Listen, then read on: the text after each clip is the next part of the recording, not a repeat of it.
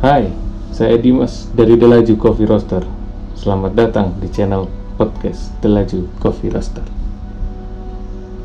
Hari ini kita akan coba bahas mengenai espresso. Jadi eh, kadang orang berpikir espresso sesuatu yang tidak enak, Nah, tapi satu sisi lain orang berpikir ini kopi. Ya, jadi kita coba bahas apa sih espresso. Espresso itu awalnya berasal dari bahasa Itali yang berarti ekspres atau cepat karena dibuat dan disajikan dengan sesegera kepada pelanggan. Jadi awal terciptanya si espresso ini juga ditandai dengan ditemukannya uh, mesin kopi di, di Italia sana. Jadi uh, mereknya uh, penemunya itu namanya Luigi Bezzera. Jadi Luigi Bezzera itu mengeluarkan uh, satu mesin yang bisa mengeluarkan uap uh, dan air mendidih melalui uh, bubuk kopi. Jadi uh, Luigi Bezzera ini bikin uh, alat untuk bikin kopi yang agak canggih zaman tahun 1901 awal-awal uh, abad ke-20 lah. Nah, mesin ini yang akhirnya berkembang dan terus berkembang hingga saat ini menjadi mesin espresso pada umumnya. Jadi kalau lihat dari kandungannya espresso itu eh, menurut beberapa literatur yang saya sempat baca itu bisa lebih dari 600 komponen zat kimia termasuk yang di dalamnya yang kita selalu rasakan adalah gula, kafein, protein, dan emosi dari minyak kopi atau koloid. Nah, eh, pada setiap espresso, jadi eh, espresso itu harus ada komponen pastinya. Komponen pastinya adalah eh, yang common adalah eh, krema atau busa, busa yang warna kemasan. Nah, itu di dalamnya terdapat minyak, protein, gula yang ngambang di permukaan. Jadi kalau ditanya espresso itu apa? Espresso itu kopi yang di atasnya, sederhananya ya kopi yang di atasnya ada krema atau buih.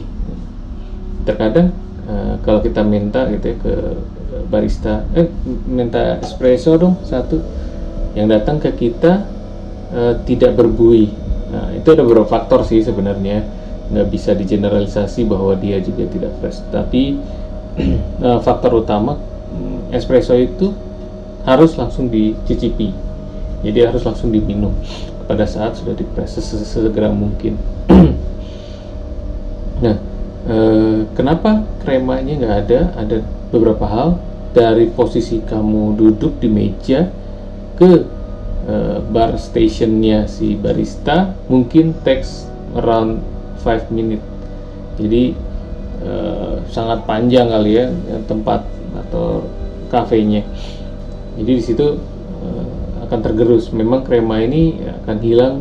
Kalau pengalaman saya sih akan hilang lebih kurang lebihnya di tiga menitan. Itu akan hilang secara otomatis. Jadi kalau kita diemin aja itu tiga menit dia akan turun. Nah, akan hilang kremanya. Karena akan langsung masuk ke dalam akan berlarut dalam air. Jadi e, hal standar e, pattern standarnya espresso itu adalah kopi yang berkrema. Itu baseline lah saya bilang. Kalau tidak berkrema apakah espresso? Nanti kita akan bahas kita akan lihat kenapa disebutkan espresso. Jadi tidak semua espresso yang dihasilkan di luar alat mesin tadi itu bukan espresso atau espresso. Jadi eh, kita harus eh, lihat lagi sampai sejauh mana sih. Gitu. Karena kunci standarnya kayak misalkan mau kapot nih kalau dibilang mau kapot bukan espresso uh, tapi standarnya terpenuhi. Standar espresso itu adalah yang tadi ya. Uh, jadi ada uh, kalau lihat dari sejarahnya kan uh, mesin ini ditekan oleh mesin dengan bertekanan. Gitu. Jadi uh, itu nanti kita akan bahas uh, di belakang. Selanjutnya uh, espresso ini apa sih espresso itu sebenarnya sangat cocok untuk yang sedang melakukan diet. Jadi kalau diet itu kan nggak boleh manis-manis kayak saya gitu ya nggak boleh manis-manis. Uh, jadi espresso ini sudah cukup mewakili kalau menurut saya. Jadi minum 30 mili espresso untuk satu hari wah itu sudah cukup untuk menjaga anda selama 10 jam tidak tidak tidur. Jadi uh, espresso ini cocok banget sebenarnya untuk yang sedang menjalankan diet tapi tetap pengen ngopi. Uh, itu sih kalau ada saya. Kan kalau diet tuh nggak boleh manis-manis ya. Bahaya. Oke kita lanjut ya. Seiring uh, perkembangannya zaman jadi cara penyajian espresso pun berkembang. Jadi uh, yang tadi saya bahas di awal espresso ini sekarang Eh, bisa dihasilkan tidak hanya melalui mesin, tidak hanya melalui mesin.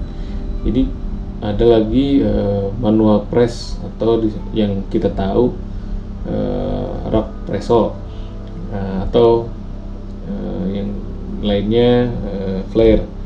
Uh, konsep dasarnya sebenarnya yang kita harus pahami Espresso itu dihasilkan dari kopi yang disemburkan air panas bertekanan sehingga menimbulkan krema. Jadi eh, yang perlu diingat ukurannya sendiri itu antara 30 sampai 45 dengan krema. 30 sampai 45 mili dengan krema di dalamnya. Jadi kalau kurang dari itu itu bukan espresso namanya. Dan eh, perlu dipastikan ya sekali lagi eh, kebanyakan dari mesin manual saat ini itu suhu 95 diseduhkan ke 90 sampai 98 diseduh dimasukkan ke dalam chambernya lalu dipres dengan tenaga. Nah, eh, tapi bagaimana dengan yang mesin tidak dipres atau digodok lah istilahnya? Eh, ya konsepnya kembali. Eh, jadi espresso itu saat ini ya standar espresso itu dibuat biasanya di Indonesia itu dibuat uh, dengan uh, didasari semburan air yang bertekanan 4 sampai 9 bar. Dengan suhu air antara 90 sampai 98 uh, dan waktu pressnya sendiri 30 detik untuk menghasilkan Eh, kurang lebih 30 mili. Nah, itu sih yang yang harus jadi standarnya kembali. Mocha pot itu ya dia bisa dapat krema juga sih kalau beruntung. Ya, saya sih nggak pernah beruntung. Mungkin salah ya. Saya coba berapa kali uh, saya merasakannya itu bukan espresso tapi lebih merasakan itu ke lungo uh, atau mendekati americano. Kenapa karena uh, terkadang uh, ketika saya buat uh, saya merasakan karena dia namanya uap ya uh, air dipanaskan dan akhirnya mendorong ke kopi kalau saya berasumsi tidak 95 jadi mungkin bisa kurang dari situ sudah bisa naik si uapnya dan si airnya sudah bisa naik. Jadi ada sedikit uh, kurang tesnya buat saya.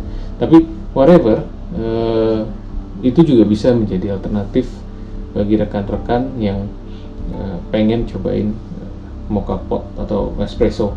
Espresso dengan cara mocha pot ya relatif lebih murah dan lebih mudah di pasaran.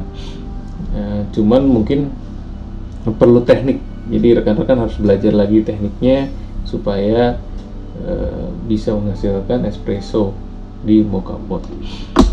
Tapi sekali lagi saya tidak menjustifikasi mocha pot tidak bisa membuat espresso atau bukan espresso. Uh, saya sekali lagi ada saya pernah rasakan espresso melalui mocha pot.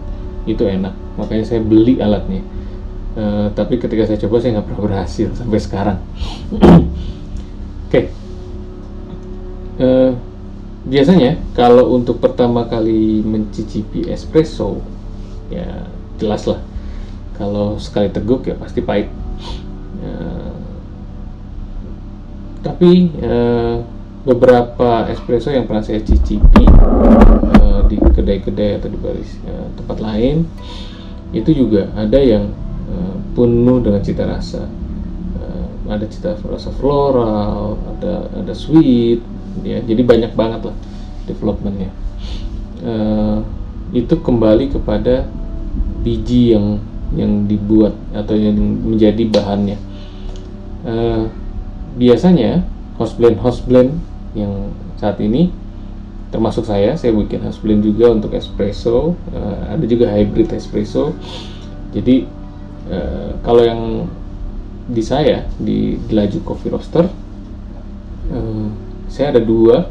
Ada yang nadif uh, 1223 itu full espresso. Uh, kalau saya nyebutnya klasik espresso. Jadi kalau mau cobain espresso yang pertama kali ya coba di Nadif 1223 tapi seiring berjalannya waktu saya juga coba buat house blend yang lebih apa ya lebih punya cita rasa saya kasih brandnya Radev 2506 kenapa Radev 2506 uh, menjadi cita rasa punya cita rasa? Karena uh, saya coba kombinkan beberapa Arabica dan Robusta menjadi satu kesatuan uh, dan uh, kompleksitas rasanya uh, lumayan. Menurut saya lumayan bisa buat fly lah. Jadi kalau nyobain espressonya uh, Radev ini kayak bukan espresso karena uh, rasanya sangat sangat variatif uh, saya sih menyarankan untuk kedai pakainya uh, Radev karena dia ini si Radev ini hybrid selain dia bisa bikin untuk espresso dia bisa juga dibikin untuk manual brew yang lain ya. kembali lagi eh, espresso saat ini banyak eh, pengembangannya di terutama di dunia perkopian karena eh, seiring berjalannya waktu eh, konsumen itu juga punya lidah yang yang berkembang sehingga menghasilkan eh, penjual-penjual yang harus berkreativitas tinggi. Nah, terus pertanyaannya, kalau espresso itu harus se itu kah? Ukuran sloki pada umumnya di 30 mili topnya ya. E, tapi bisa kurang, bisa lebih, tergantung dari jenis sloki yang dipakai. Goalsnya sekali lagi, espresso itu adalah 30 mili dalam waktu 30 detik dengan suhu 98-90 itu kembali lagi ke situ tapi espresso ini berkembang lagi nih ada yang less dari 30 mili atau kita biasa sebutnya ristretto uh, atau bisa lebih dari 60 mili. Uh, itu disebutnya lungo. Uh, Lungo itu mirip-mirip espresso. Kalau kita bikin espresso dicampur air panas ya, air panas dulu terus espresso kita masukin. Ya, itu mirip-mirip americano atau long black lah tapi eh, sekali lagi lungo itu one shot one time dibuat melalui si mesin dengan eh, kadar ekstraksi atau waktu ekstraksinya lebih lama dibandingkan espresso.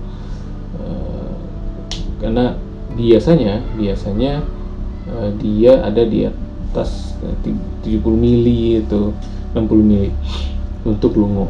Karena kalau 60 mili biasanya touchingnya ke double double shot ya nah ini di atasnya double shot kalau lungo nah si jadi ada tiga tadi. Uh, ristretto espresso dan lungo. Apa sih bedanya? Nah, Ristretto itu biasanya lebih kental. Ya. terus lebih banyak rasa yang keluar. Kenapa? Karena dia biasanya in average itu 15 sampai 20 mili saja. E, dan si krema yang dihasilkan juga sama. Ditambah dia lebih kental. Nah, itu bisa dicoba lah. Nah kalau lungo itu lebih mirip-mirip sama long black. Jadi lebih apa ya kalau orang Sunda bilang itu cawerang. Kalau bahasa Indonesia-nya mungkin kita bilang agak sedikit hambar. Ya mungkin ya. Cuman rasanya agak sedikit. Tapi sekali lagi eh, tidak bisa menjustifikasi bahwa eh, lungo itu tidak enak. Banyak juga orang-orang yang menyukai lungo. Eh, pertama saya masuk dunia kopi saya lebih suka lungo karena mirip-mirip dengan americano. Nah, jadi ya namanya lidah awam ya lidah awal pertama kali saya saya coba lungo karena tidak terlalu pahit tidak terlalu asam. Uh, ketika saya ingin berjalan ya tentu berkembang lidah saya pun. Nah uh, keunggulan dari espresso uh, family ini mereka bisa dikombin menjadi uh, suatu menu minuman yang baru menu minuman yang lebih fresh lebih enak yang banyak di pasaran adalah yang dikombin dengan susu. Nah, susu ini e, kalau dipadukan espresso dipadukan e, dengan susu, contoh ya, kalau yang cuman kita kejar bui susunya saja, jadi bui susu kita campur dengan espresso itu jadinya macchiato, ya, enak ya, e, saya suka macchiato. Terus kalau susu dan bui dan dicampur sama espresso ya buihnya agak banyak itu jadinya cappuccino. Tapi bukan cappuccino cincau ya. Ini ya, lebih kepada cappuccino. Karena punya foam atau busa yang lebih banyak. Jadi kalau diminum nah, itu nempel di kumis kalau iklan ya. Itu espresso. Jadi jangan salah eh, kita harus bisa membedakan antara espresso dengan latte terkadang e, sebagai orang awam kita selalu menyamakan oh latte itu espresso. Tapi beda ya sekali lagi. Sedangkan kalau latte dia ada busa iya dia ada busa dia ada susu. Cuman yang membedakan adalah kadar busanya itu lebih sedikit. Ya, jadi biasanya kalau latte itu e, dapat bonus biasanya ya. Bonusnya apa? E, latte gambar cinta atau gambar pohon, gambar kelinci, gambar uh, rosteta, uh, apalah uh, dari baristanya. Nah, kalau cappuccino standarnya sebenarnya tidak digambarin, tidak ada gambar-gambar, tapi dia lebih ke full foam dan foaminya lebih besar. Itu. Uh, jadi buat rekan-rekan yang mau mencoba espresso saya sih hanya kasih tips sebenarnya. Uh, tapi jangan jadi pendekar ya. Uh, saya hanya kasih tips untuk mengetahui espresso yang yang kita cicipin saya biasanya membagi jadi tiga kali minum biasanya. Uh, tapi tidak jarang saya minum sekaligus. Uh, untuk awalan saya biasanya ketika day serve saya langsung minum. Itu Eh, satu apa ya, satu lidah lah. Satu ujung lidah saya minum. Uh, itu saya cobain apa sih yang keluar pertamanya. Lalu uh, saya bagi lagi ketika sudah agak mungkin 30 detik atau 40 detik saya coba minum lagi. Ya apakah ada perbedaan? Dan yang terakhir saya minum mungkin jeda-jedanya hampir satu menitan ketika suhu benar-benar turun. Uh, di situ akan terasa banget uh, apa sih rasa yang ada di dalam uh, espresso ini. Uh, jadi apakah ya, ini full robusta atau binnya atau ini full arabica atau house blend itu akan terasa di tegukan terakhir biasanya. Ya, tapi sekali lagi rekan-rekan jangan jangan jadikan ini juga sebagai apa ya sebagai alat rekan-rekan untuk menjustifikasi uh, baristanya. Karena sekali lagi uh, kopi itu adalah hadiah terindah dari Allah.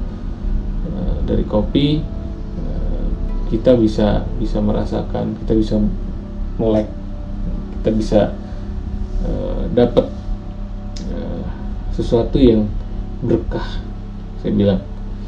Jadi jangan pernah menjustifikasi kopi ini enak atau tidak enak.